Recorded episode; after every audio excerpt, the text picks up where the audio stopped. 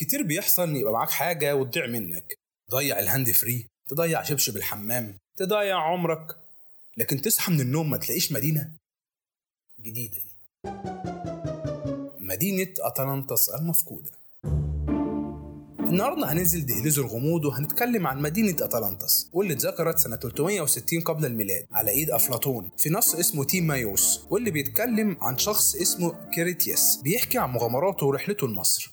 وإن الكهنة حكوا له عن قارة أتلانتس واللي موجودة عند مضيق جبل طارق واللي كان بيتسمى ساعتها أعمدة هرقل وبيوصف أتلانتس إنها جنة الله على الأرض وكانت متطورة وإن شعبها من أنقى الشعوب.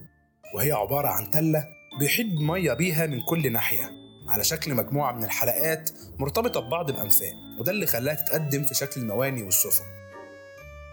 وطبعا إحنا كطبيعة بشرية ما بنعرفش نقعد ساكتين ونعيش في سلام ولازم نفتري على بعض.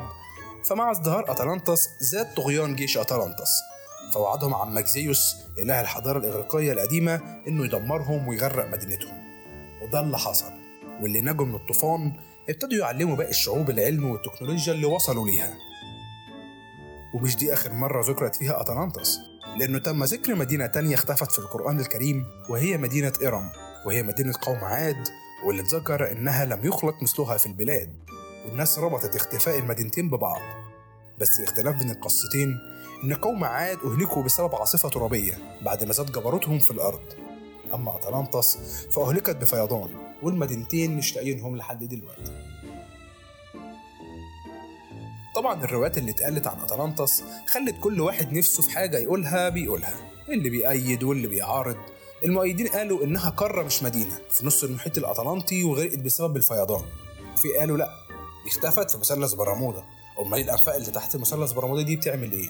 راح المعارضين قالوا لا يا أخويا الطرق دي من صنع الطبيعة مش من صنع بشر.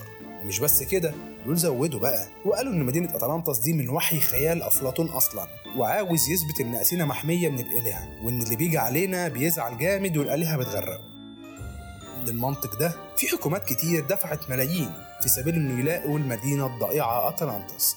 ومنهم طبعا هتلر والنازيين اللي كانوا مش سايبين حد في حاله. وهتلر كان مؤمن إن الشعب الألماني منحدر من نسل أتلانتس وإن جده الكبير كان من هناك. بس في كام دليل كده بيثبتوا إن أتلانتس حقيقة مش بس أسطورة. أفلاطون قال إن أتلانتس كان ليها صلة بالحضارة الفرعونية. وده اتثبت بوجود دليل قوي في مخطوطة ماريس الفرعونية اللي بتتكلم عن أتلانتس.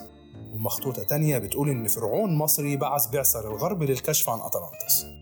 دليل تاني وهي الخرائط القديمة اللي كان بيستخدمها كريستوفر كولومبوس لاكتشاف الأمريكتين واللي بتوضح جزيرة غير موجودة في الخرائط دلوقتي وبيعتقدوا إنها أتلانتس. وحاجة تانية إنهم اكتشفوا سور طوله 120 كيلو متر في أعماق المحيط الأطلنطي مرجح إنه تبع أتلانتس لأنه قريب من مضيق جبل طارق اللي بيعتبر هو بوابة مدينة أتلانتس بس في الآخر ولحد دلوقتي مفيش شيء يأكد 100% وجود أتلانتس ولسه الأمر ما بين المؤيد والمعارض. بس يا سيدي أديك عرفت كل حاجة عن مدينة أتلانتس ولما حد يسألك أنت منين بقول له أنا من أتلانتس القديمة.